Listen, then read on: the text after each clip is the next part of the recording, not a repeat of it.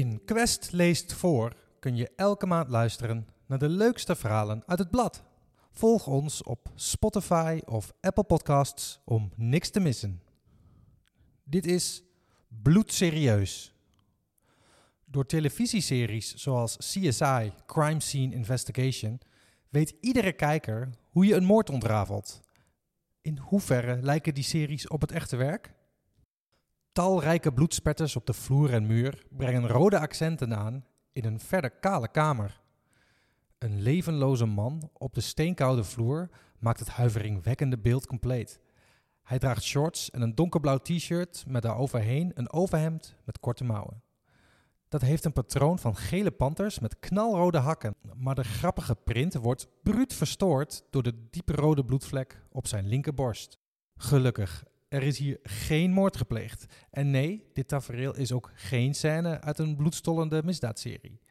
Het is een nep plaatsdelict in een raamloze kamer ergens in het gebouw van het Nederlands Forensisch Instituut. Het NFI doet forensisch onderzoek, gerechtelijk onderzoek dat uiteindelijk gebruikt wordt in een rechtszaak, meestal in opdracht van de politie en het Openbaar Ministerie. Een goede plek dus om erachter te komen of het er in het echt net zo aan toe gaat als in een misdaadserie zoals CSI. Hoe wordt zo'n zaak in werkelijkheid aangepakt?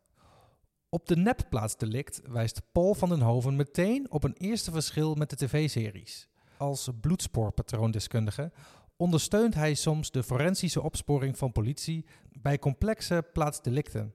Hij zegt: In series lopen forensisch onderzoekers er altijd piekfijn bij. Midden op de plaatsdelict hebben ze normale kleren en soms zelfs hakken aan. Aan persoonlijke bescherming doen ze weinig. Ze dragen hooguit handschoenen. Van den Hoven zou met zulk diva-gedrag niet wegkomen. Want er is een grote kans dat hij dan de plaats delict vervuilt. In werkelijkheid dragen we beschermende pakken, overschoenen, een mondkapje, een haarnetje en zelfs een dubbel paar handschoenen. Ter demonstratie hijst hij zich in zo'n pak. De net wat te kleine witte outfit sluit wel erg goed af.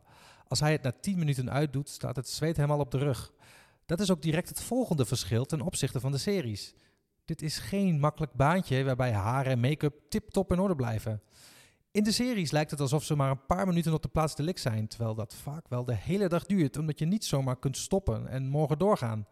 De locatie is meestal ook geen goed geventileerde 5-sterren hotelkamer. Vaak is het driehoog achter en bloedheet. Zeker met zo'n pak aan en mondkapje op is dat fysiek behoorlijk vermoeiend. Van den Hoven is binnen het NFI een van de weinigen die naar plaatsen delict gaat. De forensische opsporing van de politie stelt verder alle andere sporen veilig. Die klus is moeilijker dan het lijkt. Veel sporen zijn immers niet met het blote oog te zien, zoals vingerafdrukken, speekseldruppeltjes en kledingvezels. Soms worden sporen zichtbaar door met ultraviolet licht te schijnen. Kleine onzichtbare sporen gaan dan fluoresceren, waardoor ze toch te zien zijn. Een knappe rechercheur dus, die over het politielint heen stapt en in een oogwenk het belangrijkste bewijsstuk herkent. Om te begrijpen hoe forensisch onderzoek wel gaat, legt Van der Hoven op de nepplaatsdelict de kneepjes van het bloedspoorpatroononderzoek uit. Bloedsporen kun je op veel manieren creëren, zegt hij, maar het resultaat is altijd gebaseerd op natuurkundige verschijnselen zoals zwaartekracht en krachtuitwerking. Daarmee vertelt het bloed een verhaal over de laatste momenten van het slachtoffer. Zo kan Van den Hoven van het bloed op de muur op de nepplaatsdelict afleiden dat er in een bloedbron is geslagen, gestompt of gestoken. Bijvoorbeeld in een persoon, een plas bloed of een met bloed doordrenkte bank. In het midden zijn er namelijk heel kleine ronde spatjes die uitwaaien naar de steeds meer ellipsvormige spetters. Op de muur heeft Van den Hoven naast de spetters een aantal zwart-gele stickers geplakt.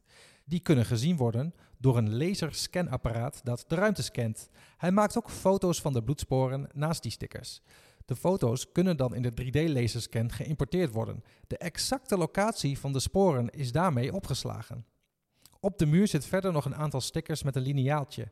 Hiermee kan Van den Hoven de hoogtes en lengtes van de sporen in de 3D-scan bepalen. Hij zegt: Zo kan ik digitaal berekenen onder welke hoek het bloed kwam aanvliegen. En als hij zo de banen van genoeg spetters uitlijnt, vindt hij de uiteindelijke plek waar ze vandaan zijn gekomen. En dan weet je dus dat de dader of het slachtoffer daar gewond is geraakt. In de serie Dexter was het gelijknamige hoofdpersonage ook bloedspoorpatroondeskundige.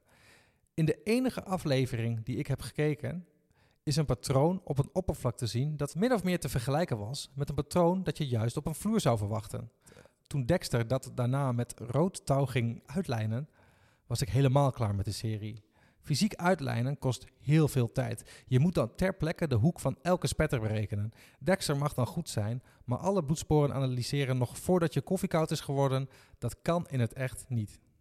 Bloed is bij lange na niet het enige mogelijke bewijsstuk op een plaatsdelict. Vezels van kleding kunnen bijvoorbeeld ook veel vertellen over wat er gebeurde.